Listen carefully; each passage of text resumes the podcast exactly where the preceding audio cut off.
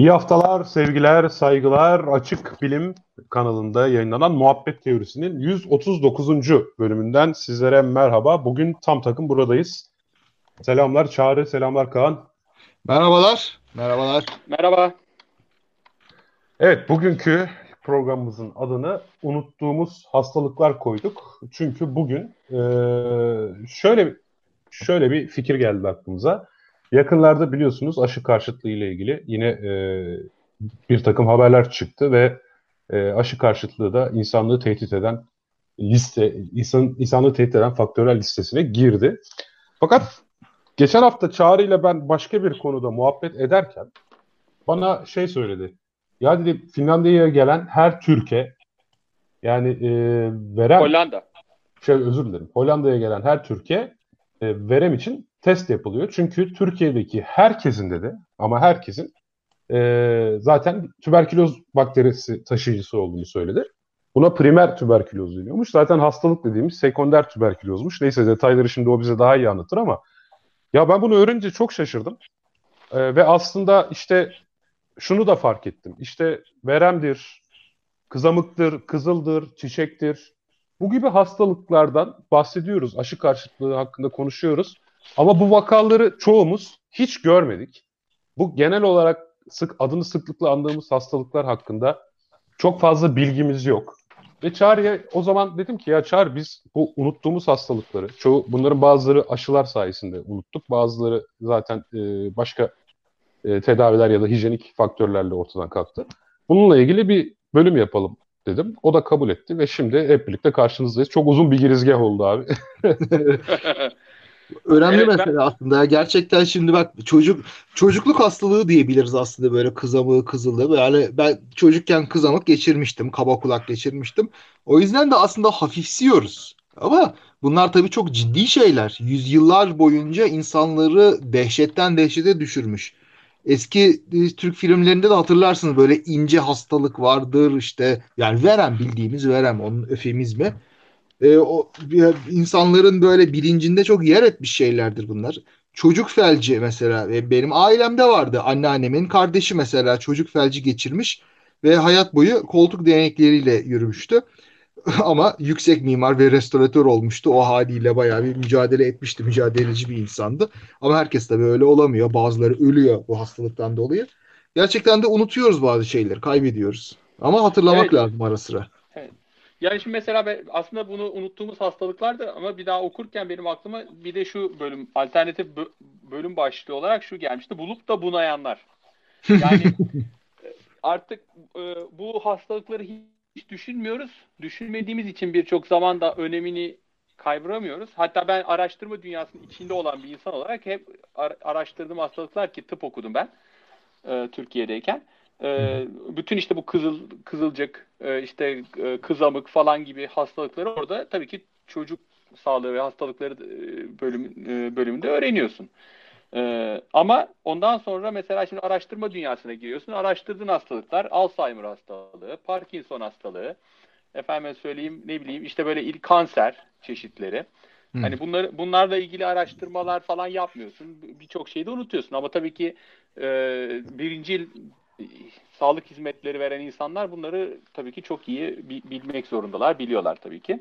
Hmm. Ee, ama bulup da bunayanlarla demek istediğim e, bunları görmediğimiz için, birçok zaman araştırmasını yapmadığımız için ve normal vatan yani sade vatandaş, tıp, tıp sağlık profesyoneli ol, olan vatandaş da bunlarla e, ka, her, karşılaşmadığı için e, ve bunların tabii bu başarının e, sebebi de daha önceki yıllarda yapılmış olan dünya kadar araştırma ve dünya çapında e, verilmiş olan emek.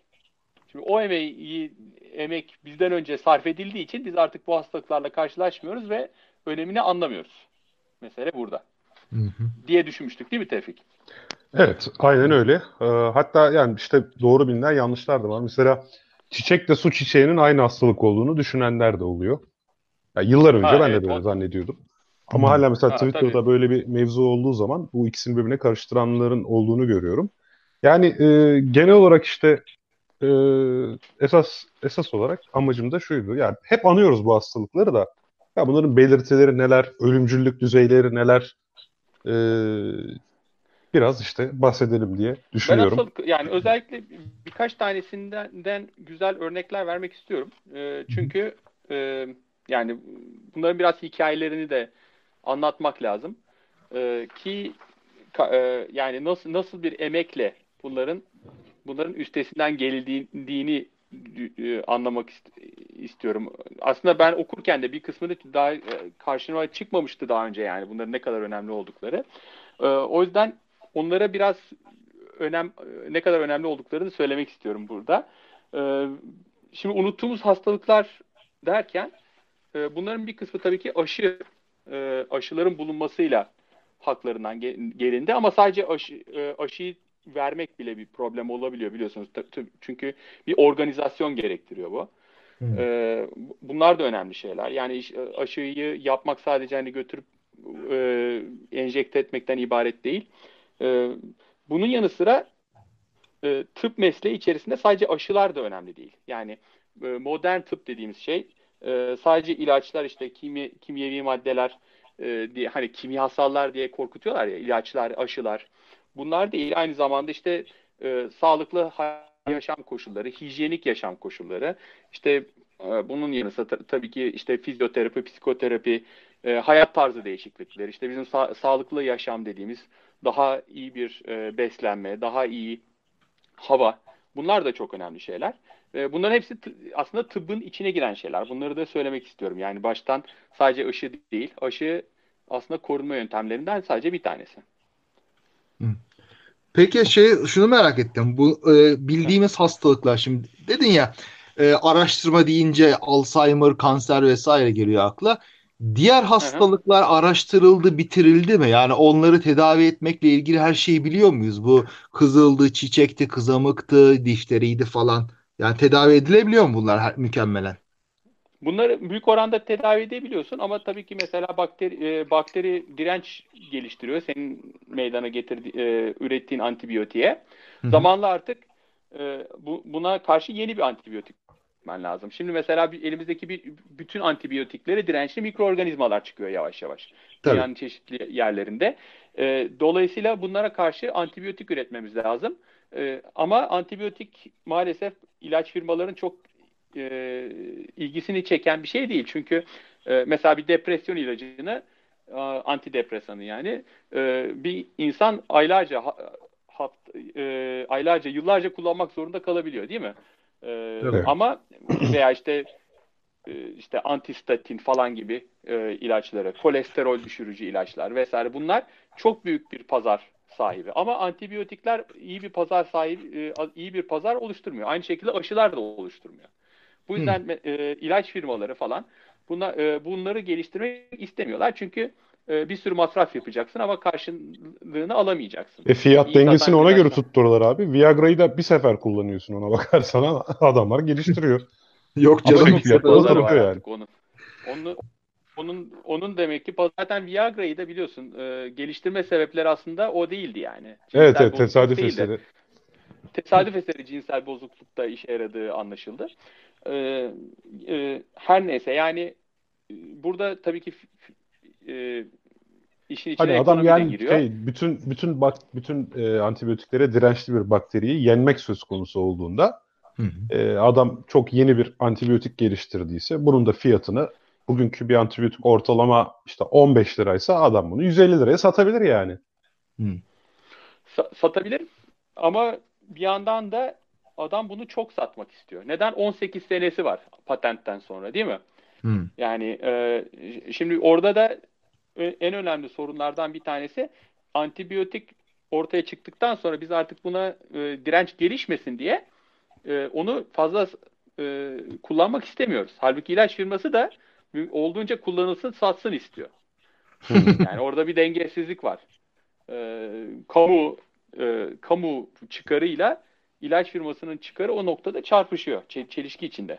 Ya ben niye ikna olmadım ya. Ya şu anlamda ikna olmadım.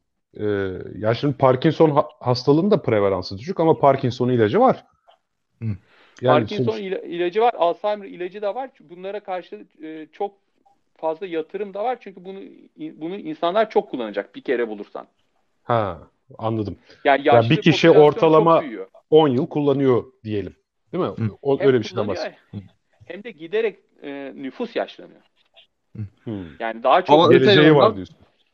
Öte yandan bildiğimiz hastalıklara zaten aşılar olduğu için o hastalığın gerçekten e, ortaya çıkması ihtimali düşük. O yüzden antibiyotik az kullanılacak. Onun, onun gibi bir durum var değil mi? antibiyotik az kullanılacak ve iyi bir iyi de para getirmeyeceğini görüyorlar. O yüzden çok Evet. fazla yatırım yapmıyorlar antibiyotiğe. Antibiyotik dışında da bir takım stratejiler geliştirmeye çalışıyorlar. Hani biz antibiyotik diye e, bakterileri durduran, öldüren Hı hı. ilaçları genelde e, düşünüyoruz ama işte hani bir yerlerde okumuştum. Çok acayip daha farklı hani antibi bizim antibiyotik olarak düşündüğümüzden farklı stratejilere de yöneliyorlar.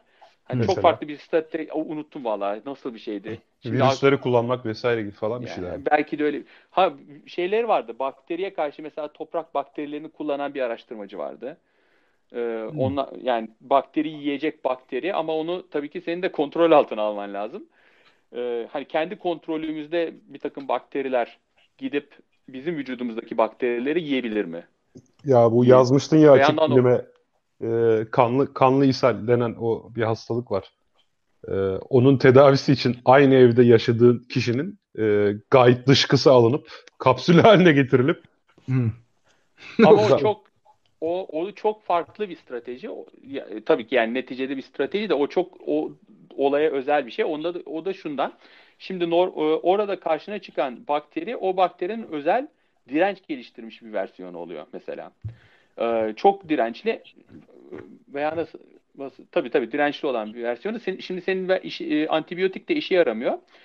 E, buna karşına ama o, o bakterilerin orada yer almasının en önemli nedeni normalde o bakteriye yer bırakmayacak olan normal bağırsak bakterilerinin ortadan kaybolmuş olması. Hı. Şimdi Hmm. sen onu oraya koyarsan, şimdi bu dirençli bakteriler yarışı kaybediyorlar. Her halükarda kaybedecekler. Çünkü bunlar mesela direnç kazanmış ama e, bölünmedeki çoğalmalarının pahasına. Ya da ya da o habitatta normalde o habitatta ortalık boş olmasa çok cirit atamayacak tipler bunlar galiba. Evet evet yer yani e, meydanı boş buldukları için orada ço- çoğalabiliyorlar. Hı. Çünkü bilinçsiz antibiyotik tüketimiyle ya da fazla antibiyotik tüketimiyle zaten ben bağırsağımdaki diğer Ahmet'i, Mehmet'i, Ali'yi, Veli'yi, Ayşe'yi hepsini öldürmüşüm. Bu Buna kalmış meydan. Evet Hmm. bir buna kalmış. Bunun da dirençlisi meydana gelmiş artık. Çünkü sen e, öte e, şeyleri öldürmüşsün. E, hani sıradan olanları öldürmüşsün. Artık bu bu o direnci kazanmış fakat e, o direncin bir genelde hani dezavantajı oluyor. O da mesela çabuk yemiyor. Sen şimdi öteki bakterileri e, hani e, aynı evde yaşayan insanların bakterileri aynı oluyor. E, aynı evde yaşayan birinden alıyorsun. E, ona naklediyorsun. Artık bir yolu bu. Eskiden kolonoskopilerle yapmaya çalışıyorlardı sanırım. Şimdi e, işte hani hap gibi koymaya çalışıyorlar. O tedavi işe yaramıştı birkaç kişide. Şimdiki durum ne bilmiyorum. Yani uzun daha uzun e, süreli çalışmalar yapılmış olabilir. E, buna benzeri ba- başka bir şey daha söyleyeyim. E, e, şey AIDS hastalığı da mesela uzun süre sen e, anti antiviral tedavi uyguladığın zaman e, virüs de tabii ki evrim geçirerek direnç kazanıyor. Ama bu direncin de bir maliyeti var virüse. E, eğer ki dirençsiz virüsle dirençli virüsü yarıştırırsan dirençsiz virüs, virüs kazanıyor. Çünkü hani oradaki moleküler mekanizmalar artık daha yavaşlamış oluyor bir şey. Ama daha dirençli. Hı. Senin verdiğin Yani şimdi direnç kazanmanın mutlaka ve mutlaka üreme mekanizmasında etkili olacağını Mutlaka. söyleyebiliyor muyuz? Valla şu ana kadarkiler öyle olduğuna göre bir, bir takım orada şeyler var. Çünkü virüsler çok e, kompakt yani çok yoğun. Çok az molekül sahibi normal bir canlıya göre. Hmm. Demek ki etkiliyor. Yani en Eskisi- azından enerjisinin bir kısmını yani kullanacağı enerjinin bir Evet. kısmını dirence harcadığını bu sırada üremeyi mesela- es geçtiğini düşünebiliriz herhalde. Muhtemelen hani milyarlarca canlı yarattığın ortamda azıcık bir e, hız kaybı bile çok önemli hale gelebiliyordur. Bakteriler öyle mesela. Bakterilerde de e, bakteriler genomlarını çok kü- küçük tutmak isterler. E, olabildiğince küçük tutmak isterler. Daha uzatmak istemezler çünkü e, ay, daha uzun genomu üretmesi için daha çok e, zaman harcaması lazım. Ha, o zaman daha anladım. Süper. Ha, Süper. şimdi şeye dönersek AIDS AIDS virüsüne dönersek AIDS virüsü e, çoğalırken e, şey dirençli olan daha yavaş ço- çoğalıyor. Sen şimdi antiretroviral tedaviyle sürekli olarak e, normal yani dirençsiz virüsü baskılarsan dirençli meydan tamamen dirençli olana kalıyor. Değil mi? O zaman hmm. ne yapıyorlar? Belli aralıklarla tedavi kesiyorlar. Bırakıyorlar normal virüs e, şey meydanı geri alsın. E, dirençli virüsü yensin. Sonra tekrar tedaviye başlıyorlar. Hmm. Aa, çok Şimdi elindeki ha, elindeki ilaçları da mesela daha iyi kullanmayı öğreniyorsun. Çünkü sadece ilacı aslında e, icat etmek yetmiyor. E, o ilacı en iyi şekilde nasıl kullanacağını bulmak da bazen 10 yıl, 20 yıl, 30 yıl alıyor. Şimdi mesela e, AIDS hastalarının hayat beklentisi toplumun geri kalanıyla aynı oldu. Hmm. Hani çok ya. rahat bir hayat yaşamıyorlar ancak e, ömür beklentisi toplumun geri kalanıyla aynı kaç yıldır hem de. Çok yani o zaman ölümcül elindeki, olmaktan çıktı diyebiliriz neredeyse yani. Ne, ne, yani mutlaka bir varyasyon vardır orada da e, ortalama ömür beklentisi normal e, nüfus nüfusun geri kalanıyla aynı. E, bu demektir ki elimizdeki ilaçları daha iyi kullanmayı öğrendik AIDS durumunda. Aynı şey başka şeylerde de geçerli. Yani mesela ilacı her insan aynı olmadığı için diyelim ki e, elindeki ilacı şeker hastalarında nasıl kullanacaksın? Bunu da öğrenmen gerekiyor. E, Birçok hasta, her insan tek bir hastalığa sahip değil ki. Her insan, e, özellikle yaşlılarda birden fazla hastalık var. E, bunların mesela her bir durumda o ilaçları nasıl kullanacaksın? Tansiyon e, tansiyon ilacı şeker hastası olanla şeker hastası olmayan e, arasındaki te, tansiyon tedavisi farklı. Neden? Çünkü ilaçlar farklı. E, aynı aynı etkiyi göstermiyor. Veya astım hastalığı diyelim ki astımı olan bir kişide e, tansiyon e, ilaçlarının e, şeyi e, tercihi değişiyor. Bütün bunlara göre bunları bunları bulmak zaman alıyor. Yani sadece yeni bir molekülü ortaya atmak değil. O molekülü nasıl kullanacağını da bulmak çok çok zaman alıyor. Araştırmalar yapman lazım tabii bunun için. Her bir araştırma da senelerce alıyor tabii. O yüzden. Enteresan. Neyse, bu gene, zaman gene konuşmamamız gereken hastalıklara mı gittik? Unutmadığımız hastalıklar. Yok yok yani şey e, yani daha zaten bayağı vaktimiz var da bu bu ilaçların çalışma mekanizması böyle batıl inançları ya da alternatif tıbbı da destekliyor olabilir. Yani bir ilacı kullanıyorsun. Hı hı. E, o sırada senin dediğin gibi dirençsiz olan mikroorganizmayı öldürdüğüm için meydanı dirençliye bırakmaya devam ediyorum. Sonra tıptan ümidimi kesiyorum, ilacı kesiyorum. Saçma sapan bir işte hacamat falan yaptırmaya gidiyorum. Bu sırada ilacı doğru zamanda bıraktığım için iyileşme belirtileri gösteriyorum. Değil mi? Yani bu alternatif tıp açısından pozitif feedback yaratan bir şey olabilir yani. Valla hastayla iyi konuşmak lazım. Yani eğer tabii ki hastayı bilgilendirmiyorsan ki bu neden meydana gelebiliyor? İşte e, isteniyor ki bir doktor günde 100 tane hasta baksın. Yani hasta tamam bir ay ilacı kullanmayacaksın şimdi diye gönderirsen tabii ki hasta neden onun öyle olduğunu bilemeyebilir. Onun için tabii, e, hastayla iletişim kurmak şart. Ama günümüzdeki e, hekimlerin de sürekli olarak hastaları daha kısa vakit ayırıp e, daha aynı zamanda daha çok hasta bakması, dünyanın her yerinde böyle bir baskı var.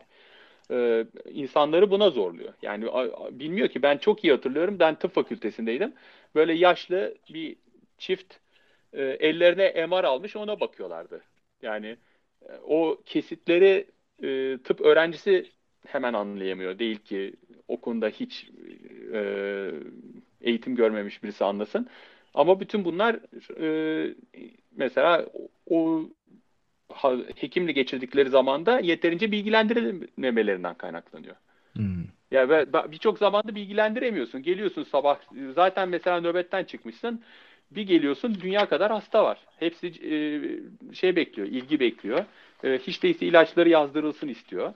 E, e birçok zaman zaman baskısı çok büyük. Bu, bu da tabii işte sen, senin de dediğin gibi insanları alternatif tıbba, şarlatanlığa falan da itiyor biraz. Çünkü oradakiler dinliyorlar böyle derdiniz nedir, uzun uzun anlatın, zaman sıkıntımız yok falan diye. Hem bu insanları bir rahatlatıyor hem de bir ilgi gördüklerini düşündürüyor. Acaba yani şimdi bu parantezi açmışken e, tıbbı nasıl değiştirmek lazım da hastalar böyle hem yeterince bilgi alabilsinler hem kendilerine ilgilendiğini düşünsünler. Nasıl bir şey olabilir bu bilimsel tıp çerçevesinde? Valla yani e, muhakkak zaman ayrılması lazım. Bir hastaya bence 15 dakikadan aşağı süre ayrılmaması lazım. Ki bu e, şu açıdan da önemli. Maliyetlerin aslında düşürülmesi açısından da önemli. Çünkü e, me- mesela hekim hastanın derdini dinleyip düzgün bir fizik muayene yapabildiği zaman e, aslında sorunun ne olabileceğine da- dair çok daha fazla fikir sahibi oluyor. Yani e, öz- şimdi bizim elimizde çok yeni teknikler var ama e, bundan 50 yıl önce, 100 yıl önce hekimler aslında yavaş yavaş hani bilimsel tıp çerçevesinde e, ellerinde bu teknikler olmadığı için hastaların e, değişik e, semptomlarını ne manaya geldiklerini çok iyi aslında çalışmışlar. Ve bugün tıp fakültesinde mesela bunları aslında öğrenebiliyoruz ve aslında daha da iyi öğrenmemiz mümkündü. Ben sana, benim çok ilginç bulduğum bir şey vardı. Şimdi tırnağını şöyle herhangi bir parmağının tırnağına yandan bak. Hı hı. Şimdi tırnağın e, parmağın etine girdiği noktada bir açı vardır. Hı hı. Şimdi o açı 180 derece değil. Evet. Değil mi? Orada bir açı var. 180 derece olduğu zaman o açı aslında e, şey kronik obstrüktif akciğer hastalıklarına işarettir. Aa, Abi bir dakika ya ne diyorsun sen? Çok ilginç ya. Kendiminkine evet. bakıyorum. Şunu bir daha tarif etsene. Şimdi e, tırnağının parmağının etine girdiği yani parmağın ha, etinden evet. çıktığı noktayı düşün. Evet yani evet. Orada Kökünü, deri var. Tırnağımın kökü abi. Evet. Kökü. Ha. Evet. İşte o tam orada bir açı yani yandan baktığın zaman orada bir açı olur. Doğru. Orası düz değildir. Hayır değil tabii ki. Evet. Yani tırnak dibe doğru giriyor. Et yukarıda kalıyor. Ha. Ee, o oradaki açı 180 derece olursa bu akciğer hastalığına işarettir. Tamam Şimdi, ben de 145-150 falan. yani Ölçmüş o, adam hemen 2 dakikada. Yani şuna bakmak hekim için e, zaman ol, e, hani zaman alıyor. Neden? işte hani bir buna bakıyorsun, bir başka bir şeye bakıyorsun ama ama bunun neticesinde hastayı MR'a göndermiyorsun mesela. Değil mi? E, çünkü kafanda artık e, muayenenin sonunda böyle şeylere baka baka ki bunlara bakmak sadece senin zamanını alıyor.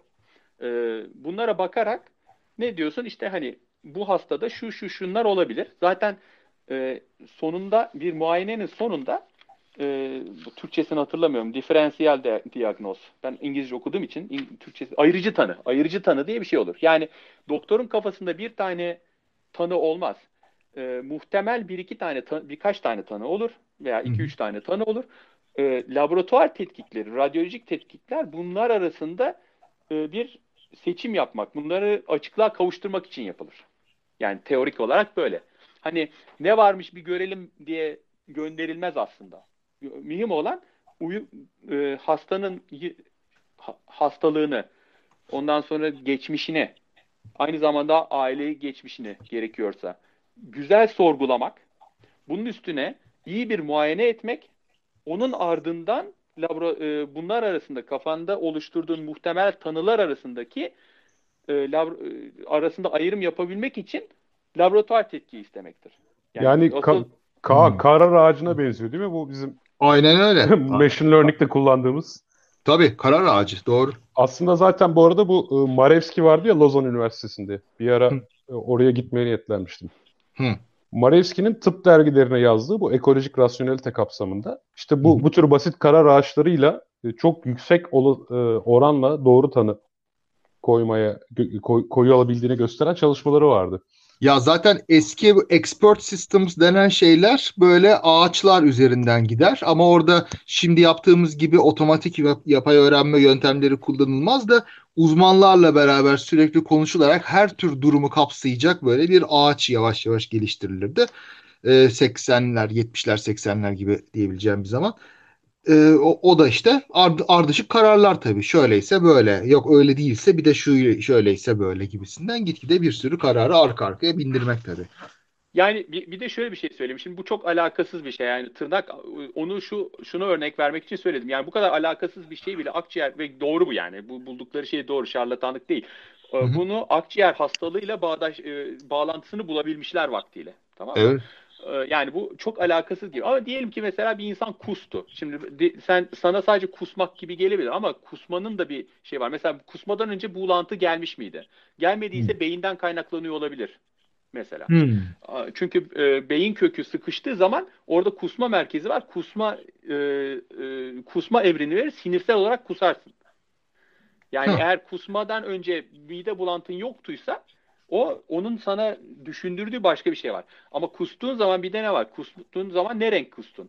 Ee, kustuğun zaman kı- açık kırmızı kustuysan orada taze kan vardır. Ama koyu kırmızı kahve gibi kustuysan e, orada e, sindirilmiş kan vardır. Sindirilmiş evet. mide enzimlerinden geçmiştir. Demek ki o bağırsaklardan geliyordur muhtemelen. Yukarı Oo. çıkmıştır. Anlatabiliyor Oo. muyum? Yani Oo, şey evet. e, Nereden e, eğer taze kan ise o nefes borusundan geliyor. Nefes borusundaki bir kanamayı görüyor olabilirsin.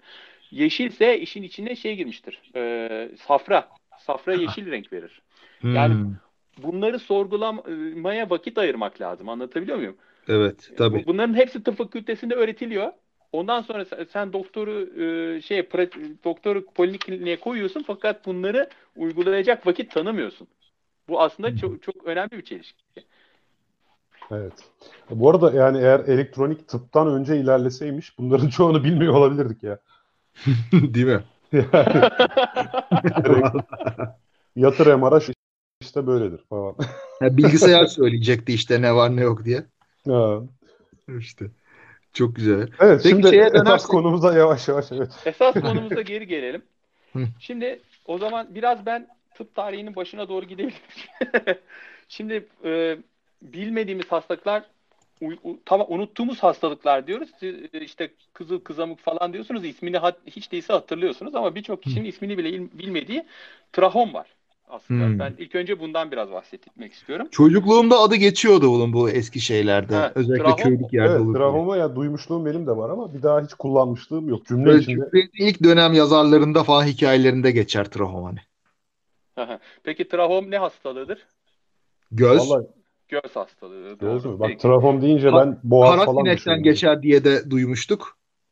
Şimdi ben 1920 şimdi 1920 Sağlık Bakanlığı'nın kuruluşu 3 Mayıs 1923 Türkiye Cumhuriyeti Türkiye Büyük Millet Meclisi hükümetinin 3 sayılı kanunu Sağlık Bakanlığı'nın kuruluş kanunu Sıhhiye Vekaleti.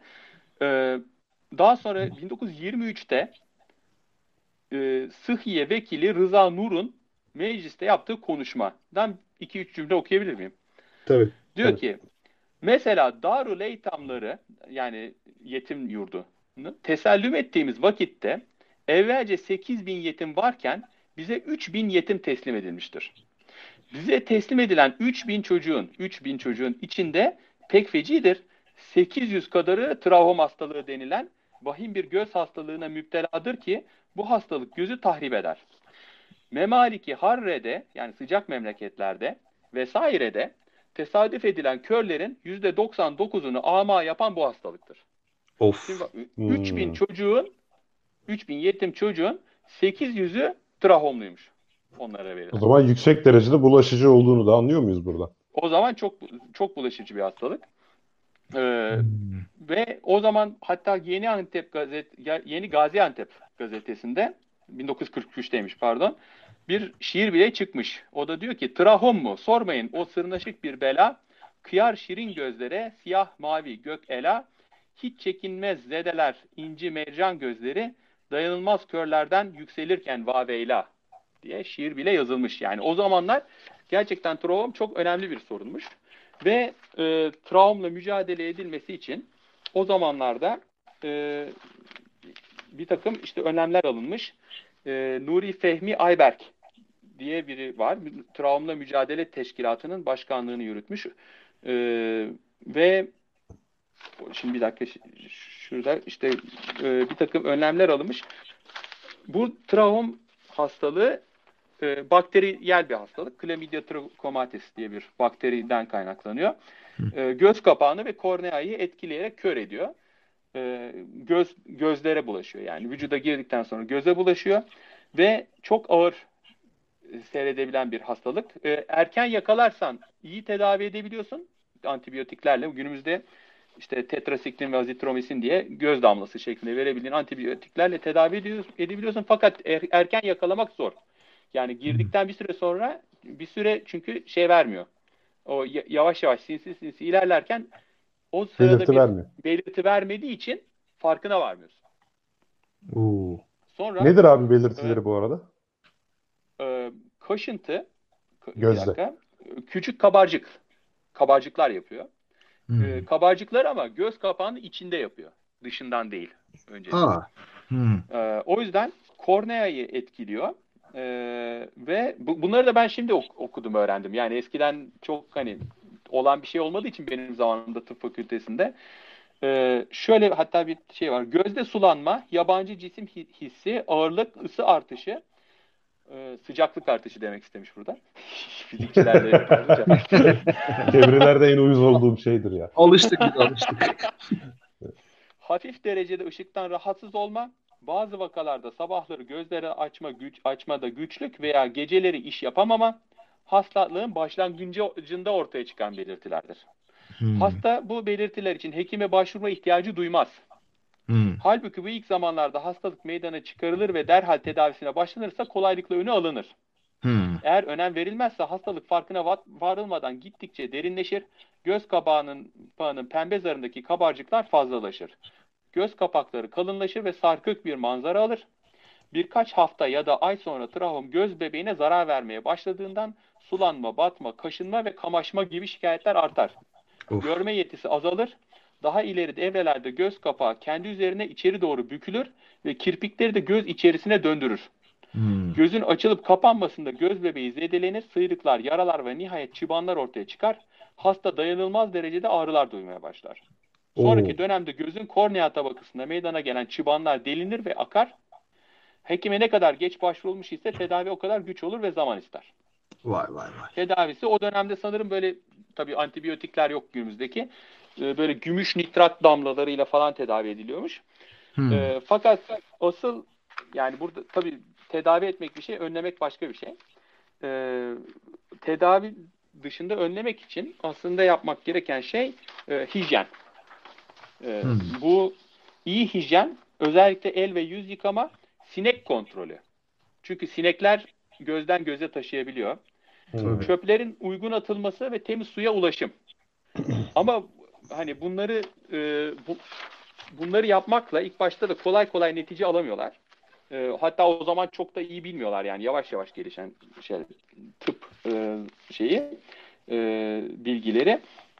E, yaptıkları şeyler arasında neler var? Mesela diyor ki savaş bölgelerinde oturan halk muayeneden geçirilerek hastalığın yayılış şekli, nispeti, devreleri e, tespit edilmiştir.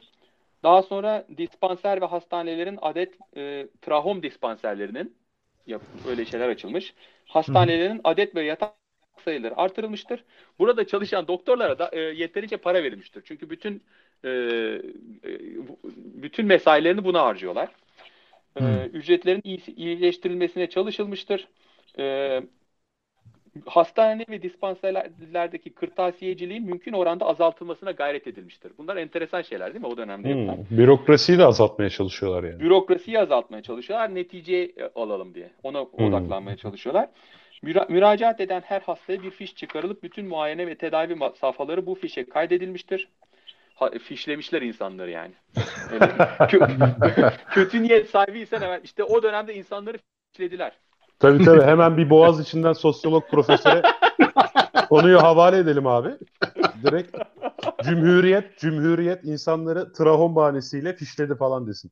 Fişledi. ee, işte standart bir tedavi şeması oluşturulmuş.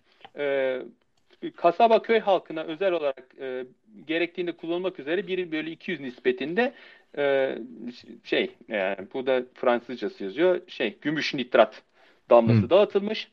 Bunun yanı sıra e, ulaşımı zor yerler için kamyonetler yapılmış. Kamyonetler içinde gezgin hastaneler oluşturulmuş. E, uzak yerdeki e, köylere falan hastane çadırı, ameliyat masası, ameliyat aletleri, ufak bir eczane gibi ameliyat için lazım olan araçlar bulundurulmuş. Çünkü göz kapağı kendi içine çevriliyor ya, kirpikler gözün içine giriyor. Bu noktada ameliyat gerekiyor. Çünkü onu çıkartman lazım kirpikleri.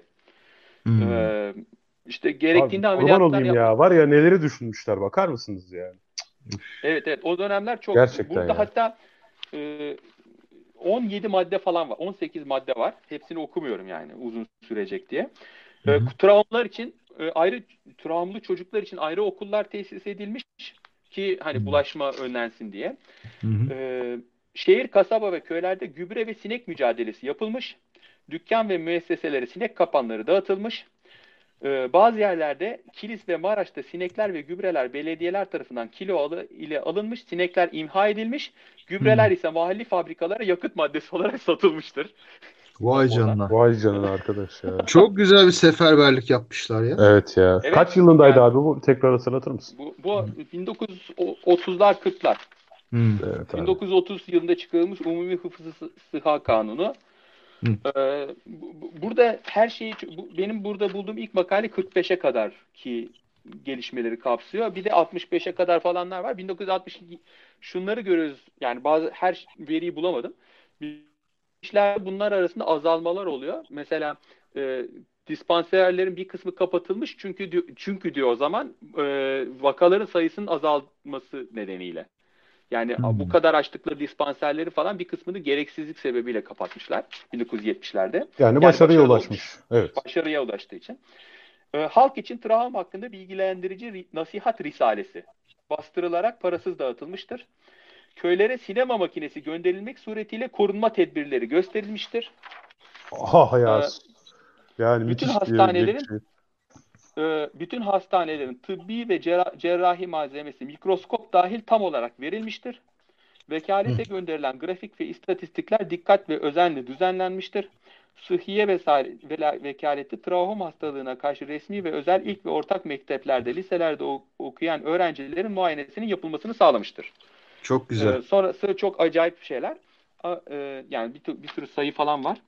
Hı. Ee, ama yani bu, bütün bunların so- sonucun, sonucunda e, iyileşme bayağı yavaş. E, 1945'e geldiklerinde hani biraz canları sıkılıyor iyi olmadı diye ama 1960'larda 70'lerde artık bayağı hız kazanıyor iyileşme. Hani bi- bizim artık 1980'lere 90'lara geldiğimizde pek duymadığımız bir şey artık trahom. Yani demek ki uzun vadede bunları uygulamak bayağı başarı sağlamış.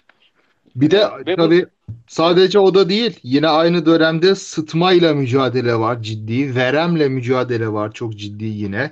Ee, başka kuduzla tabii değil mi bir de? yani bunlarda Kuduzu da bu- bilmiyordum. yani şimdi Kuduzu mesela bilmiyorum. Verem var. Verem o çok Hı. önemli. Hala da önemli. Çünkü o, o üzerinden e, onun yenilmesi kolay bir şey değil veremin. Hı. Ama e, şey e, neydi o? Tabii ki sıtmayla mücadele önemli. Aynı şekilde sıtmayla mücadelede de hani işte bataklık kurutmak falan gibi şeyler var. Sadece e, neydi Evet. o? E, ilaç tedavisi falan değil yani bu iş. Tabii, tabii. Yani kuduzda da mesela herhangi bir şekilde ısırılan kuduz kliniğine başvuran birisi sürekli takip ediliyor. Aşılarını at- aksatırsa mesela polis marifetiyle getiriliyor tekrar aşılarını tamamlamaya. Gayet ciddi tabii bu. Yani bütün dünyada öyledir ya.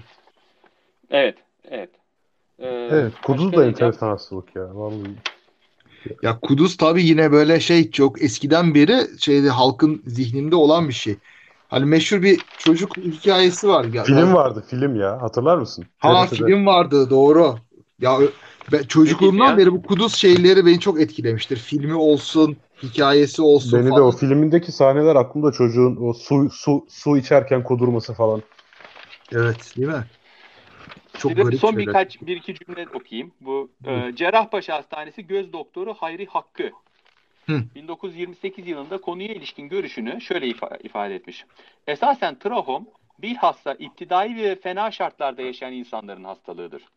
Hayatları tarzı iptidai şekilden bedeni şekle giren ailelerde yavaş yavaş hastalıkların daha az vahamet göstereceği ve o ailenin neslinin tedricen trahomdan kurtarıldığı müşahede edilmiştir Hmm. diyor. Yani o dönemde artık anlamaya başlıyorlar. Burada esas mesele e, temizlik, hijyen.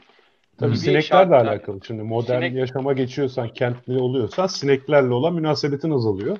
Hı hı. Yani eğer Çöp sinek çok etkiliyse. O, tabii. Sadece kendi kişisel temizliğin değil, ortamının temizliği, nezih yerlerde yaşamak falan da bu tabii mikropların yayılmasını azaltan bir şey muhakkak. Ya şimdi 3000 çocukta 800'ünde görülüyorsa yani yüksek olasılıkla çağrı doğruysa teyit edecekler. Hani gözünü ovalarsın eline geçer elinden başkasının eline geçer o da gözünü Tabii. ovalar. Muhtemelen öyle yayılıyor zaten. E, bir Evet. ihtimal. Şimdi- El yıkama şimdi- tedbirleri falan çok önemli olmalı yani. Tabii ki yani şimdi e, birçok zaman hani bu e, el yıkamayı hatta abartmaya bile gerek yok. E, y- yakın zamanda hatır, hani son 10 senede işte domuz gribi çıktı falan filan çıktı hatırlıyorsanız. Kuş gribi çıktı. Ben Japonya'daydım o sırada kuş gribi olduğu zaman. Ee, orada e, mesela her yere girişte mesela bu jeller falan koydular. Hani ellerini dezenfekte edesin falan diye ama e, birçok zaman söylenen şey şuydu. Yani e, esas en önemli şey olarak söylenen elini basit bir şekilde yıkaman yeterli.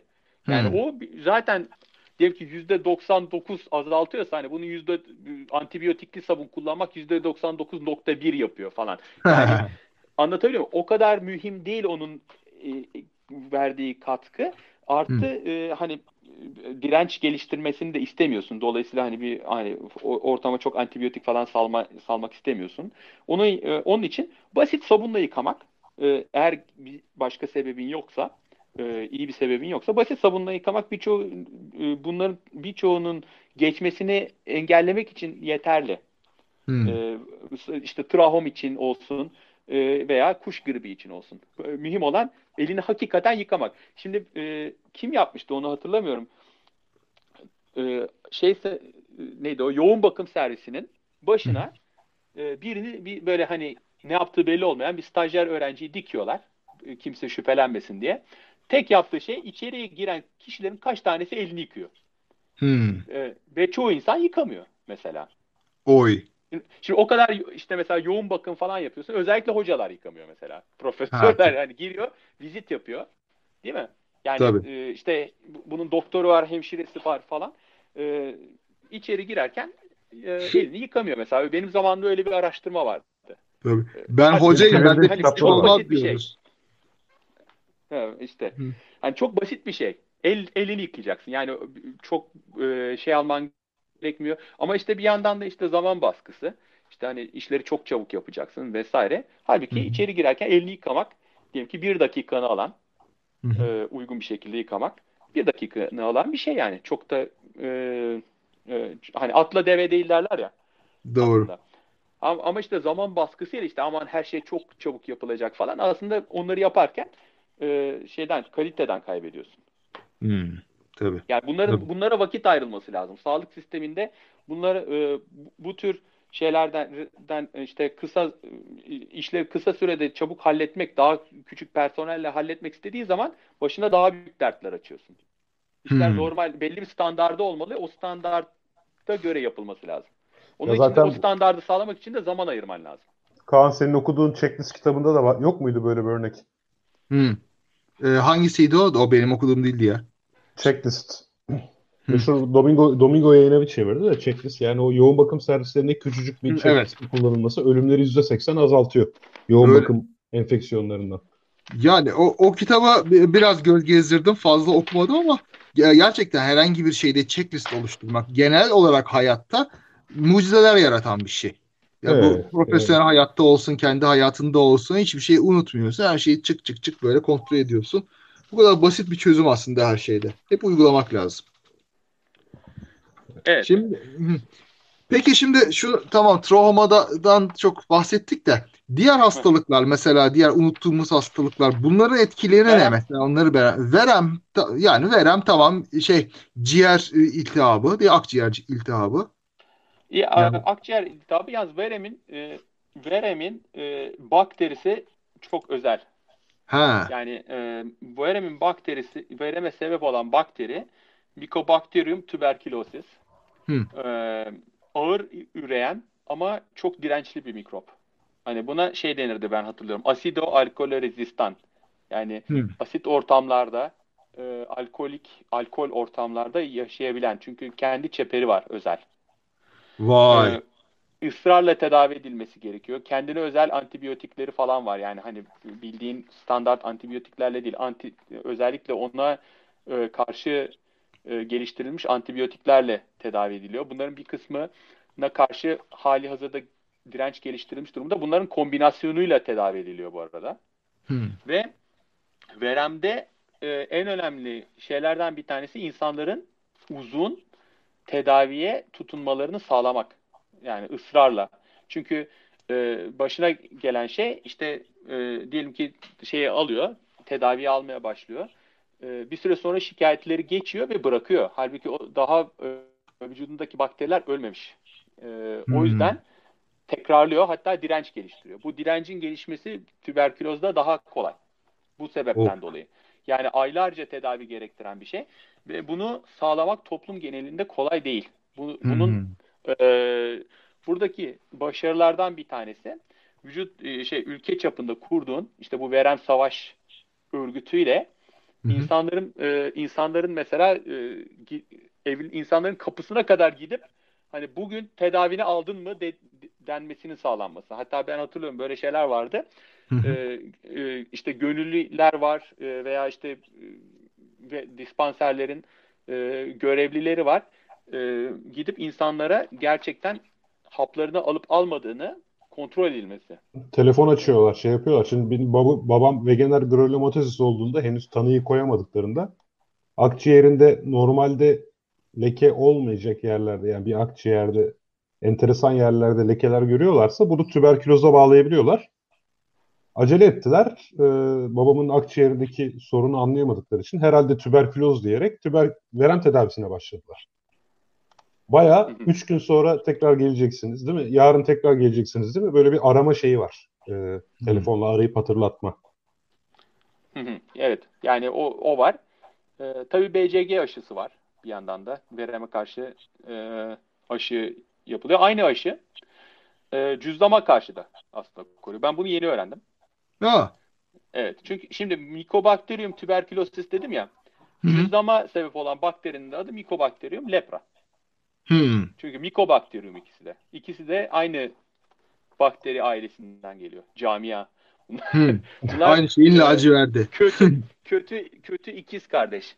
Ee, lepra bu bakteri de çok şimdi bunun bir- dedim ya birçok zaman hani e, dirençli olmasıyla işte mesela e, ne kadar bulaşıcı olmasının arası işte ne kadar çabuk üreyebilmesinin e, arasında bir fark var. E, şey, pardon bir bağlantı var.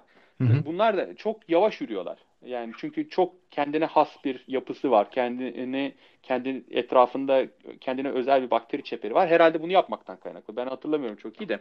Ama bunlar hani böyle sessiz ama derinden sağlam adımlarla ama yavaş yavaş ilerleyen hastalık yapan bakteriler. Ee, bir- daha önce Tevfik'in de anlattığı bir, şey- bir şeydi işte verem e, verem bakterisini yani tüberküloz bakterisini ilk aldığı zaman akciğerine gider. Oraya yerleşir ve ilk olarak e, baş, genelde başından geçen öyle e, verem hastalığı değildir. E, hafif bir böyle hani şey soğuk algınlığı zannedersin. Ondan Hmm. ayırt etmen çok yani mümkün değildir. Edebilen var mı bilmiyorum da. E, o gider akciğerine yerleşir. E, ve orada mesela senin eğer ona karşı bir dire- henüz bir direnç geliştirmişsen e, e, orada o hapsedilir vücut tarafından. Etrafına işte belli bir e, histolojik bir yapı olur. Bu akciğer şeyinde görülebilir. E, Ha. Akciğer filmi istenmesi hep bu yüzden demek ki. Filmden anlaşılıyor. ama bunları mesela şeyler de e, an- muhtemelen antikorlarla da anlayabiliyorlar. Yani şimdiki durum ne bilmiyorum. Bu Ama- kolumuzu ama kazıma eğer- mevzu nedir abi? Kolumuzu yaralama. Kolumuzu yaralama ne ya? Çağrı sesin kesildi bu arada. Senin Bluetooth kulaklığın pili azalmaya başlamış olabilir. Hı.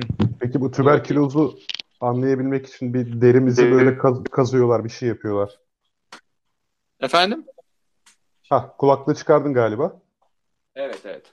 Tamam, şimdi daha iyi oldu. Ya şu tüberküloz testi için galiba kolumuzu kazıyorlar ya onun mantığı ne diye Onu soruyorum. hatırlamıyorum. Muhtemelen yani onu hatırlamıyorum valla. Uzun zamandır bakmadığım bir şey onun mantığını. Şimdi şey PPD ya, testi diyor dinleyicilerimizden bir tanesi. PPD. Evet hatır, doğru öyle bir şey vardı ama şimdi onlar Tamam, Mehmet Ünal'da da galiba hekim belki bize oradan yazar. Biz daha sonra okuruz. Devam edelim. Şimdi şey dedin ya demin ciğere yerleşiyor ve eğer bağışıklığın varsa onu orada hapsediyorsun diye. Demin söylediğin hepimizin taşıyıcı olmamız durumu buradan kaynaklanıyor demek Doğru. ki. Ona işte mesela primer veya birincil tüberküloz deniyor.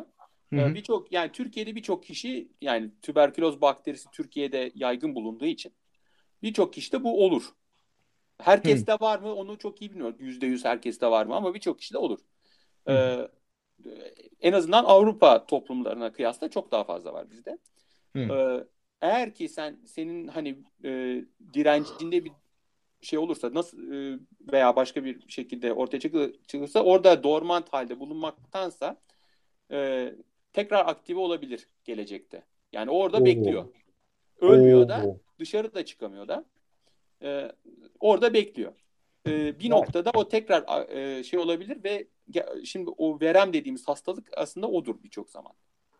Ben anlamadım. Be, durduğu yani hapsedildiği yer nasıl bir şey? Vücut mu üretiyor onu hapsedildiği Akciğer. yeri? Akciğer. Etrafında, hani etrafında duvar örüyor gibi. Trump gibi. Öyle düşün. Onun etrafına bir duvar örüldüğünü düşün. O anda tutuyor. Ee, ama öldürmesi de çok zor bu bakteriyi diyorum ya. Hmm. Vücut onu öldürecek kadar hakkından gelemiyor ama o enfeksiyonu sınırlandırabiliyor. O çok ilginç ya. Ama saatli bomba gibi yani. Açığa çıkabilir yani bir gün. Hı? Saatli bomba gibi yani bir gardımız düştüğü zaman yine be- bela olabilir. Mesela e, şey bağışıklık sisteminin zayıfladığı durumlarda o, o tekrar aktive olabilir. Hmm. Ne kadar zayıflaması lazım? Yani basit bir hastalık yeter mi yoksa AIDS benzeri bir zayıflamayla mı? O, o durumlarda çok kolay olur. Ya da işte insanlar eskiden dertten verem olurlarmış ya. ha. Yo yo ha. abi şey anlamda diyorum. Yani çok bir şeye çok üzülüp bağışıklık çöktüğü zaman insanlarda e, olabiliyor. Mesela işte su çiçeği virüsü de biliyorsunuz latent bekliyor sinir uçlarında ve daha sonra zonaya neden oluyor. Geçenlerde evet. babamın hukuki bir meselesi oldu. Aşırı üzüldü. Abi iki gün sonra zona çıkardı. hadi, hadi buyur yani. Yani şimdi bu e, şeye de geçmek için enteresan bir şey olabilir. Çocuk, e, çocuk felci. Hı. Çocuk felci de bir virüs. Bunun bunların aksine. Hı hı. E, çocuk felci şimdi tabii ki hep böyle aklımıza felç geliyor. Adı da felci Türk, Türkçesi. Hı hı. Ee, ama aslında çocuk felci bağırsaklarda başlıyor. Ha. Evet, bağırsaklarda başlıyor ve çoğu zaman bağırsaklarla sınırlı kalıyor. Hmm. Polio dediğimiz değil mi şu an? Polio. Polio. Peki ama bağırsaklarımızda ne yapıyor? Yani orayı mı felç ediyor? Bağırsaklarda hayır bir şey yapmıyor. Öyle hani ha. bağırsak bağırsakların bozulmuş diyorsun. Farkına varmıyorsun onun polio olduğunu. Ha. Gidiyor gidiyor. Birçok zaman. Ama eğer ki bağırsaklarından kana geçmeyi başarırsa o zaman e, yani çok büyük sorunlara yol açıyor. O çünkü oradan kan vasıtasıyla merkezi sinir sistemine gidiyor. Hı. Ve e, orada bir, e, sinirlere artık çok büyük hasar vermeye başlıyor. E, nadiren geçici bu safhadan sonra. Tedavisi e, yok. Çoğu zaman e, ki bu yani toplam bütün o enfeksiyonlar bağırsaklarda kaldığı enfeksiyonların da da hesaba katarsan 200'de biri kadar durumda e, kalıcı felce sebep oluyor. Yani e, eğer ki polio virüsünü aldıysan 200'de bir durumda 200'de bir kalıcı felce e, e, felçle sonuçlanması ihtimali var. Şöyle daha ölüm şöyle ölüm daha doğru mu? Polio virüsü kapan 200 çocuktan biri kalıcı felç oluyor. Kalıcı felç oluyor. Ölüm ihtimali ne kadar?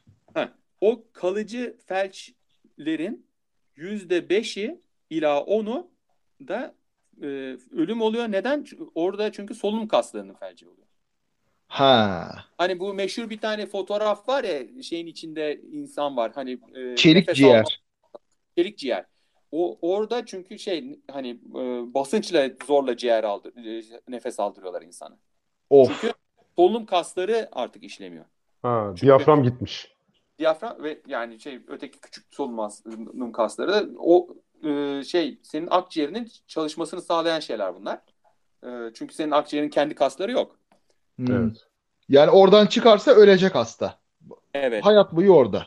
Evet. Vay vay vay. Ne kadar yaşayabiliyorlar ki onun içinde, o çelik ciğerin içinde? Valla işte sen e, yani makine o zaman bir makine bir insana şey olur. Yani oksijen teorik olarak oksijen sağlandığı sürece yaşar. Yani işte tabii ama vücut ne kadar dayanır işte bunu, acaba buna? bu- bunu yani o, hani o insanı o makineden çıkar kardeşim bu makine bir başkasına lazım falan diyemezsin yani. Hayır ama ne bileyim bu, bu insanın ne- dışarı çıkması gerekir işte tuvalete çıkması gerekir. O zaman ne yapıyor? O kadar Yan dönmesi. bu Ha. belki o kadar mü- müsaittir veya işte sonda bağlanıyordur falan yani. Of bu korkunç bir şey ya. Şimdi buna karşı çözüm olarak şimdi bunun tedavisi yok. Hala Hı. yok. Polyonun yok. Polyoyu kaptın mı yani değil mi? Ha, Kaptın mı eğer kesin merkezi sinir sistemine geçerse e, maalesef bu sorunlarla e, uğraşmak zorunda kalıyorsun. Of. E, 1955'te e, Amerikalı meşhur Jonas Salk bu Hı. ismi birçok kişi duymuştur. Siz duydunuz mu? Evet tabii. Meşhur Salk Enstitüsü vardır Amerika'da. Aynen.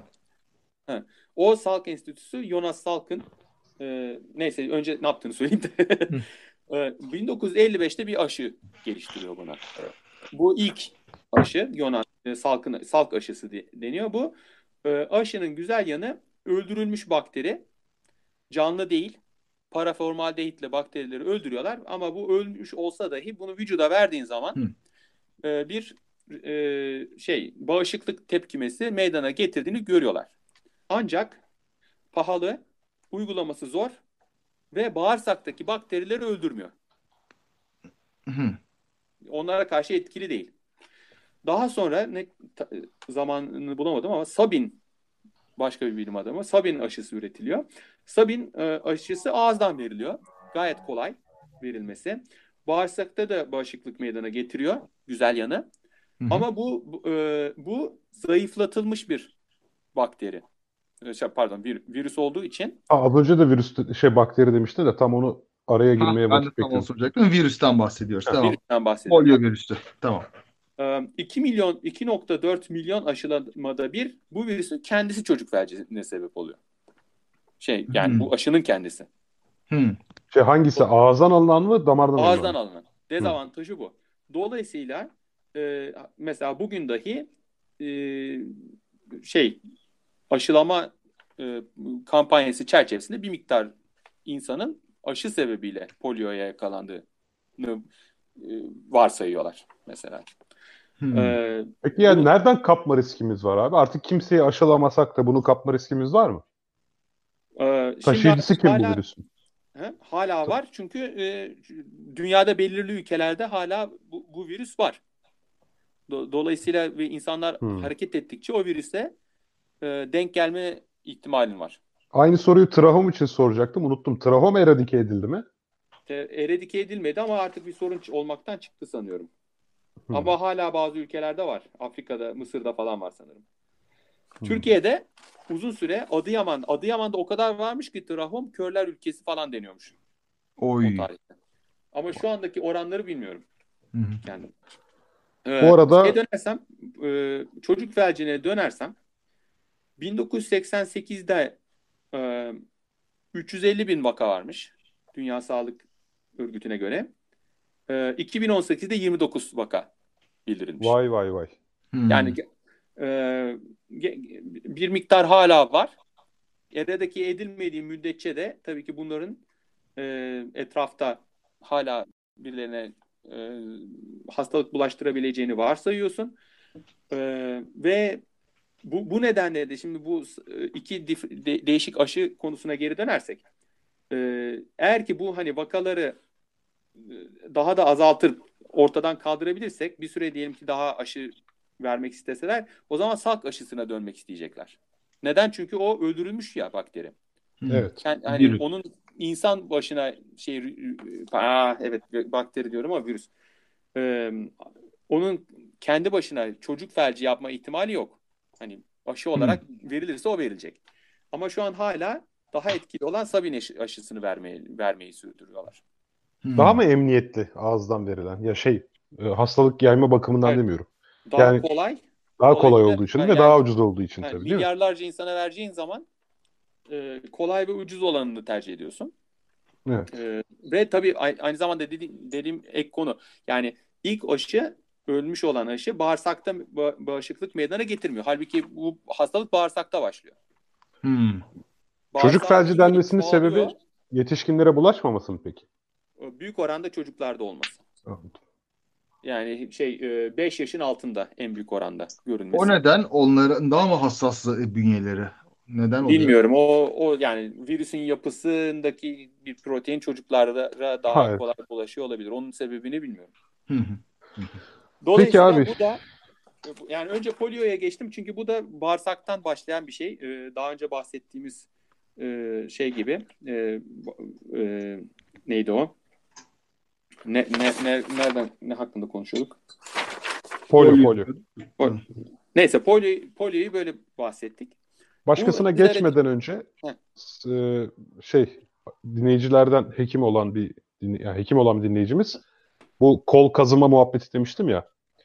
Tüberküloz bakterisinin proteinleri deriye temas ettiriliyor ve derideki kabarıklık miktarına bakılıyor. 10 milimetrenin üstündeyse o kişinin tüberküloz basiliyle karşılaştığını gösteriyormuş. Aha. İşte o olabilir. Doğru. Muhtemelen öyledir de atmak istemedim onu. tamam. Ee, şimdi bu polio yani şey e, çocuk felci bu henüz eradike edilmedi. Çok yaklaşılıyor.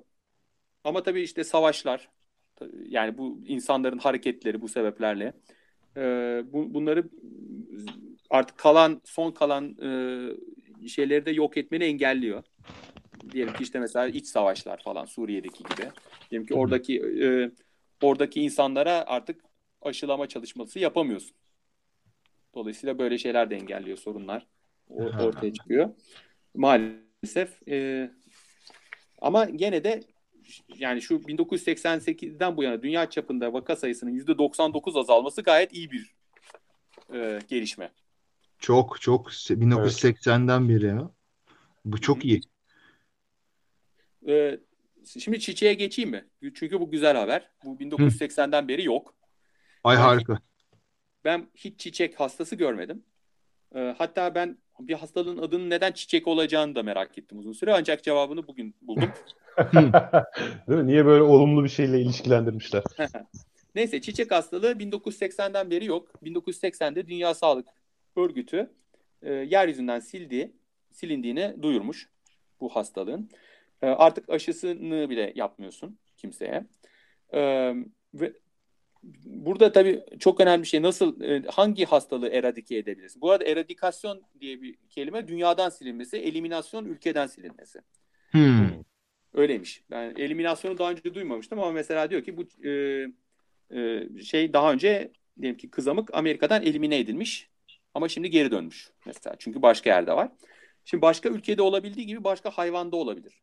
Dolayısıyla hmm. eğer bir şeyi e, eradike etmek niyetin varsa aslında tabii ki o virüsün veya bakterinin neyse e, başka bir hayvanda ol, konaklayamıyor olması lazım. Değil mi? Hmm. Çünkü sen bütün insanları aşılayabilirsin ama bütün hayvanları aşılaman zor.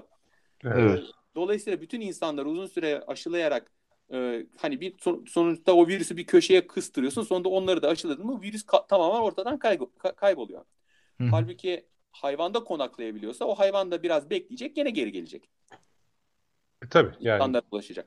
Dolayısıyla e, hayvan hayvan konağının olmaması gerekiyor. Çiçeğin de olmadığı için e, çiçek derken variola virüsü adı. Hı. E, bir nefes yoluyla bulaşıyor.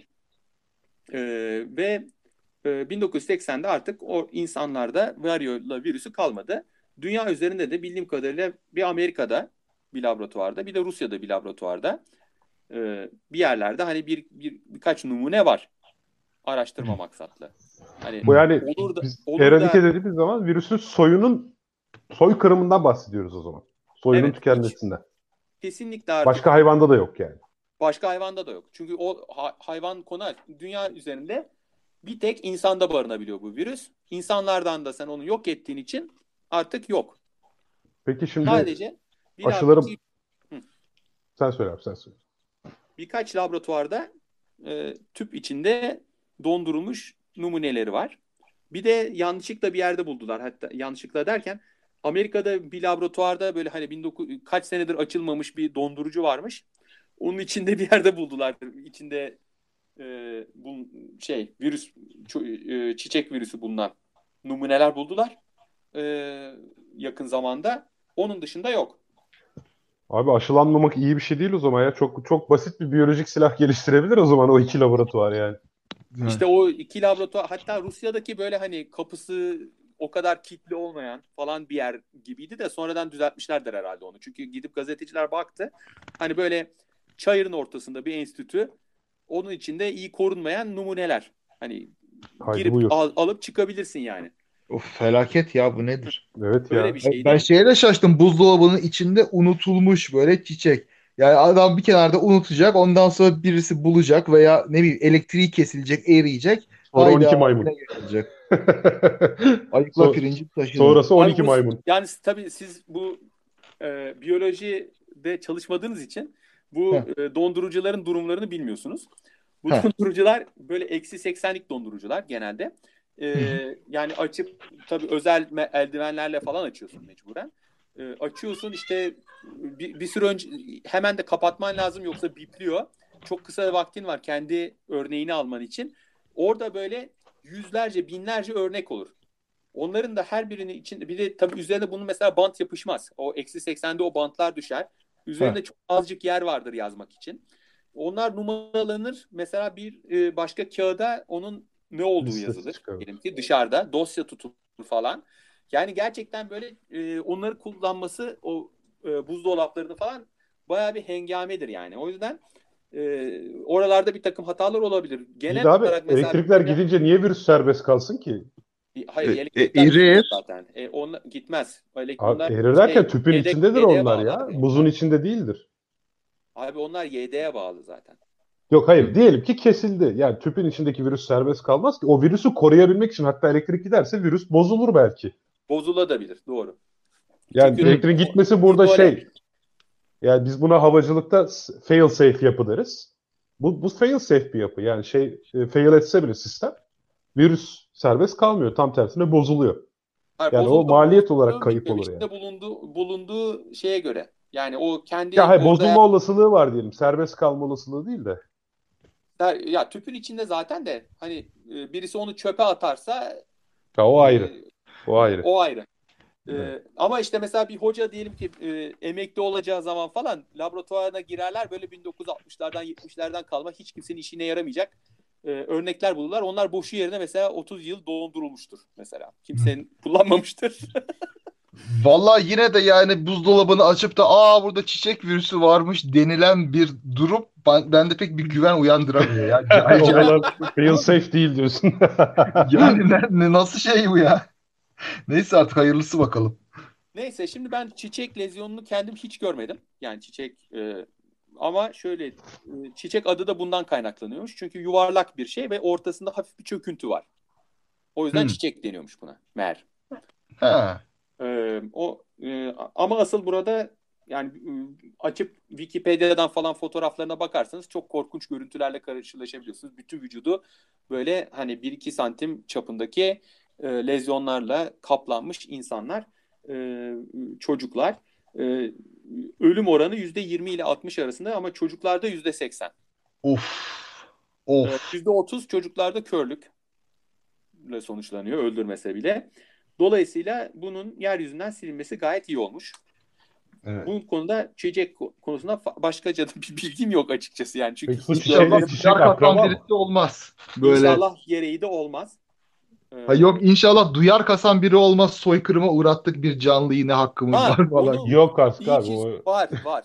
Var mı? Biri, birisi şey naturopatlardan biri e, çiçeğin faydaları diye bir bir dönem bir şey yazmış.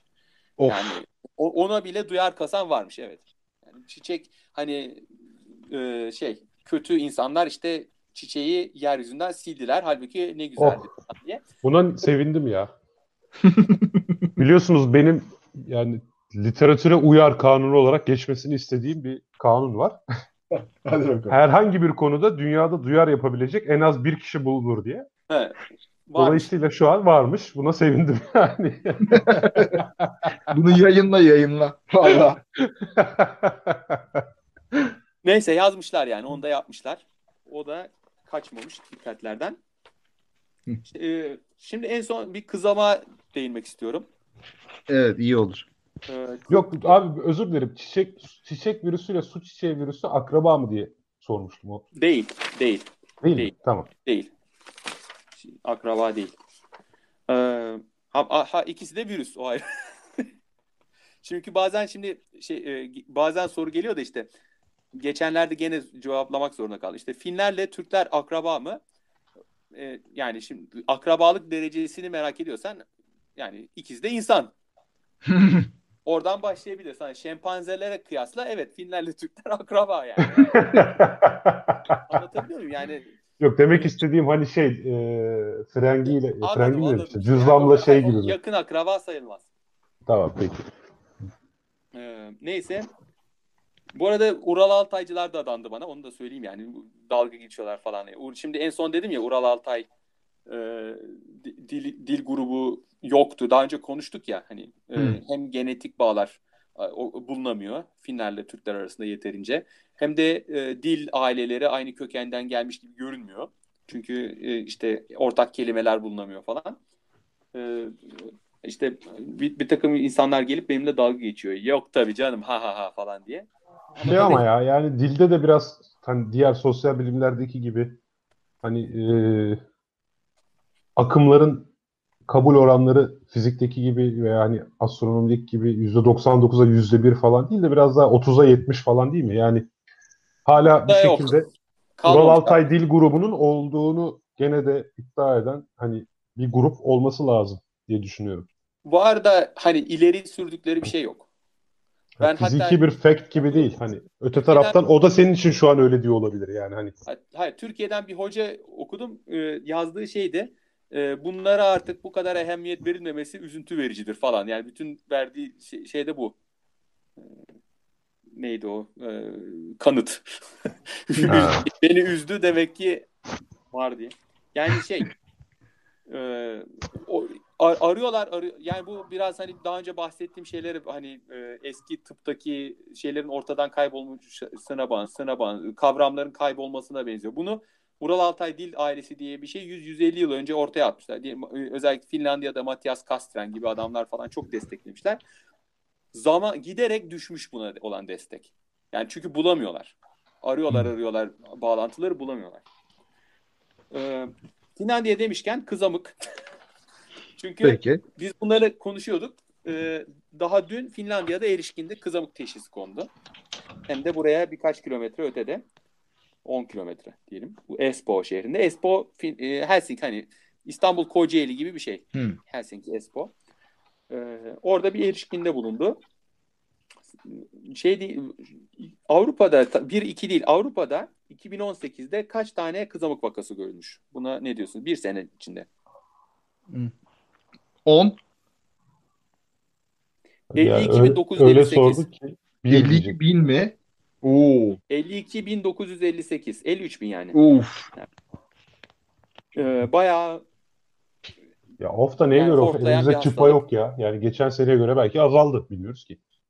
yok yok bayağı artıyor ve bu Ha. bayağı artmış olduğu bir şey. 2014'te dünya çapında 114.900 ölüme sebep olmuş. Oo. Ee, günde 314 ölüm. Ee, ama işte bu aslında 2014'ten 2000, 2010'dan 2000'den 2014'e kadar %79 azalmış. Ama hala var. Ee, bu tabii gül, gül- yani bütün dünyada ki sayılar. Ee, bir yandan kızamık kendisi öldürüyor. Bir yandan da daha önce bahsettiğimiz gibi e, kızamık vücutta beyin beyine gidip orada e, subakut sklerozan panensefalit diye ayrı bir hastalık oluşturabiliyor. Hmm. E, bu bunun eskiden e, oranı e, kızamık hastalarının 100 binde birinde olarak tahmin ediliyormuş.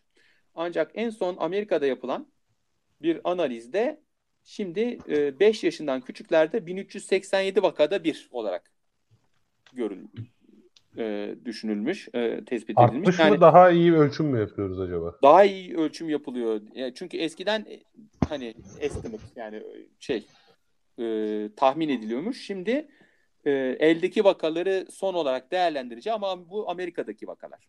Kaliforniya'daki daha doğrusu. Sadece Kaliforniya'daki vakaları. E, Hı hı. içinde oran olarak 1387'de de bir, bir yaşından küçüklerde ise 609'da bir. Hmm.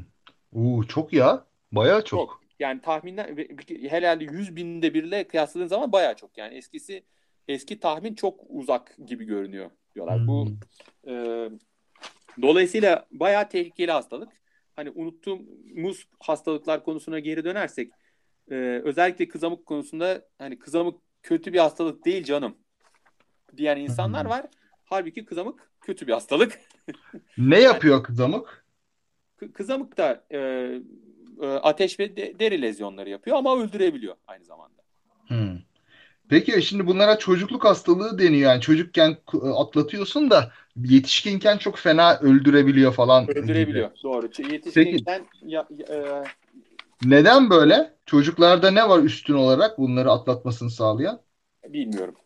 He. Bildiğim bir konu değil. Ben, bil- bilen var mı onu da bilmiyorum. E, Aa, aa, anladım. e, onun, onun cevabı bende şu an yok. E, Okey. ama evet çocukluk hastalıkları olarak geçer hep. E, çocuk hastalıkları uzmanlarının ilgi konusudur. E, ve çocuk yani çocuk hastalığı işte. Hı. Bunları bunları bilmezsen çaktırırlar pediatride. Hmm. Güzel. Peki. Peki. O zaman su çiçeği biraz daha tehlikesiz bir hastalık diyorsun değil mi? Yani bunlara nispetle tabii ki. Va- Onların oranlarını bilmiyorum, bakmadım. Ee, ama hani o kendi kendiliğinden geçiyor da e, hani o, onun belli bir ölüm oranı falan var mı? Birisi tespit etmiş mi bilmiyorum ama bu kendiliğinden geçen bir hastalık su çiçeği. Ama Hı. işte bulaşmasını istemiyorsun. Baz- Onda da gidip gö- götürüp hemen bulaştırırlar ya. Hı. Yani Ha onu- tabii. e, aslında onları da yapmamak lazım. Nasıl yani ya? Ya böyle işte mesela bir çocuk su çiçeği olur hemen komşular ona kendi çocuklarını getirir ki bulaştırsın. Hı. Doğal aşılama gibi. Doğal aşılama diye ama o- o- onu yapmamak lazım yani.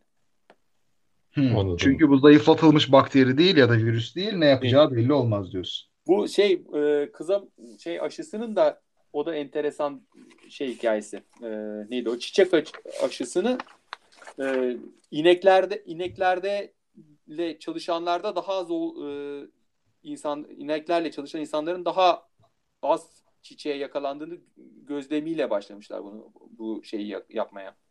Aşılamayı. evet. Hatta Ha, şey Lady Montagu Türkiye'deki el- İngiliz elçisinin eşi ne Aha. zamandı? 1600'lerde mi? 1700'lerde mi? Hı hı. Orada Türkiye'deki gözlemlerini mesela İngiltere'ye aktarıyor ama uzun bir zaman inanan olmuyor tabii. Kendisi de çiçek hastalığından işte yaralanarak kurtulmuş. Kardeşi çiçek hastalığına kurban gitmiş. O yüzden bu konuya hassas. Türkiye'de böyle kadınların e, çiçek hastalığı olanlardan böyle yaralarından bir şeyler alıp kendilerine böyle zerk ettiklerini, çocuklarına ya da zerk ettiklerini görerek e, bunun en, böyle engellenebileceğini görmüş ve bildirmiş ama pek takmamışlar tabii kafaya. Bu konuda çok e, tehlikeli bir deneyi yapan kimdir biliyor musun? E, hayır. Büyük Jenner. Yekaterina. Ne? Ha. Rus, İmpa- Rus İmpara- İmparatoriçesi. Yani ülkede çok çiçek hastalığı olduğunu bildiği için o Hı hı. sırada da bu çiçek e, aşısının geliştirildiğini bildiği için çok büyük bir risk alarak hemen uygulatmış ve işe yaramış. Vallahi Yani yaramayabilirdi. Bilmiyor yani o zaman bilinmiyordu tam olarak gerçekten çok büyük nüfuslarda işe ya- ya- yaramayacağı ama hani o bir şey oynayıp neydi o? Kumar oynayıp e, o deneyi yapmış ve şans eseri başarılı olmuş. Monarşinin böyle rahatı var tabii yani. Milyonlarca insan ölse de e ne yapalım? Ecel geldi aldı dersin çıkarsın işin içinden. Monarşi böyle. Diye, daha iyidir diyen kimdi ya? Bir dakika. Ya Şengör, Şengör. İşte kurbanlar aristokrasideysen tabii monarşi daha iyi de işte olasılıklar sana e, senin tarafında değil o durumda. Evet, demokrasiye inancı kaybetmenin doğal sonucu gibi geliyor bana bu monarşi güzellemeleri bazen. Aman yok yok Ama istemem. neyse hadi konumuz da değişmesin. Değişmez. Ee, 1 saat 20 dakika geçti. Unuttuklarımızı hatırladık. Ee, Ben de bir bayağı unuttuklarımı hatırladım. Ee, bilmediğim bir şeyler de öğrendim açıkçası. Ee, enteresan şeyler de vardı. Çağrı bir de anatomi Brown- dersi falan gibi yani anatomi konusu işleyelim de sana bir de Sobotto'yu hatırlatalım ya. Sen şeyi bilir misin abi? Şimdi burada yapmak mümkün değil de e, klasik doktor esprisi E, bu anatomide her şeyi unuttum. Bir aklımda bu femur kaldı diye kolunu gösterir doktor. Çünkü femur bacaktadır. ya evet çok kötü bir doktor esprisiymiş. Anca doktorlar güler diye. Ama ben de güldüm yani. Evet bayağı böyle. Ee, ama, ama trahom çok enteresan yani onu bu bu e, hatta belki başka bir şeylere daha çok bakabilirdim. E, e, merak ettiğim başka sorular vardı. Ama e, bu trahom e, mücadelesini okur okumakla bilmiyorum çok ilginç şeyler çıktı ortaya tabii de. E, Valla güzel şeyler aktardın bize. Özellikle o Cumhuriyet dönemindeki meclisteki konuşmalar olsun şey olsun. Benim çok hoşuma gitti bunları öğrenmek. Ee, bir izleyici, dinleyici sorusu vardı abi. Kapatmadan sorabilir miyim? Sor bakalım. Mesela şu çelik ciğerlerden bahsetmiştiniz ya. Yani evet. bir kişinin şu an diyafram kaslarının hastalıktan tamamen zayıfladığını düşünelim ve çelik ciğere girecek. Bu aslında bir tedavi değil zaten. Bu sadece hayatta tutmak için bir şey değil mi? Netice itibariyle. Bunu reddetme hakkı var mı ötenazi olmayan ülkelerde de? Bilmiyorum. Ya vardır muhakkak tedavi. İçine bir kere koyulduğun ya. andan itibaren çıkmayı isteyemezsin herhalde. Yani şey ötenaziye girecek çünkü. Ya yok tedaviyi reddetme hakkın her zaman yok mu zaten mevcut Ama bu tedavi değil ki. Tedavi yani tedavi yoğun Hayır, bakım ama şey. önerilen her şeyi reddetme hakkın var. Yani. Öyle mi? O zaman ötenazi ya gibi oluyor baştan, işte. O, ama o ötenaziye sayıl, ötenazi sayılıyor mu sayılmıyor mu bir fikrim yok. Ya yok sen kendi işi doğal seyrine bırakarak ölmeye gitme hakkın tabii var. Tamam o zaman ötenazi pasif ötenazi böyle... demişti dinleyicilerden birisi. Yani evet. pasif ötenazi serbest, aktif ötenazi yasak o zaman. İşte pasif ötenazi biraz şey gibi, çelişki gibi geliyor bana. Kendi... Öyle adlandırılıyormuş ama galiba çünkü. Ay şimdi hepimiz zaten ölmeye gidiyoruz yani. Diyelim bir ölümsüzlük kapı bulundu. Ötenazi yasak diye herkese zorla içirecek misin? Onun gibi. Ha, peki. Hayır o zaman sigara ne oluyor? O da başka bir şey. Mesela evet. Hayır adı böyle anlıyormuş ya. Yoksa yani bence de mantık olarak öyle de. Ona Hı. pasif ötenazi deniyormuş. Hı. Valla bu konuda eminim ki benim şu an düşünebileceğimden çok daha fazlasını etikçiler düşünmüştür. Onları okumadan bir şey diyemem. Yani çünkü böyle bir şey düşünüyorsun. E, uzun süredir düşünüyorsun. Sonra açıyorsun makaleleri adamlar hatta bazen e, 2000 sene önce etraflıca tartışmış. Senden daha iyi tartışmış. ben onu onu çok severim. Hani aklıma bir şey geldi diye seviniyorsun. Adam 2500 sene önce düşünmüş. Adam onu aynen yani bizim arkadaşlar diyor. Lan, yazmış adam. Konfüçyüs'ün çarşıda pazarda gezerken düşündüğünü biz yeni düşünüyoruz falan.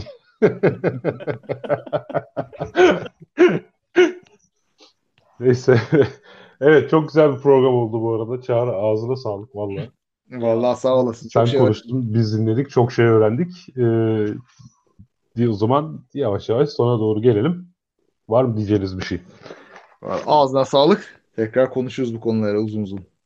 Eyvallah. Çok sağ Evet. Evet. Bu arada Çağrı Yalgın'ın da artık muhabbet teorisi ekibine katıldığını söylemek isteriz.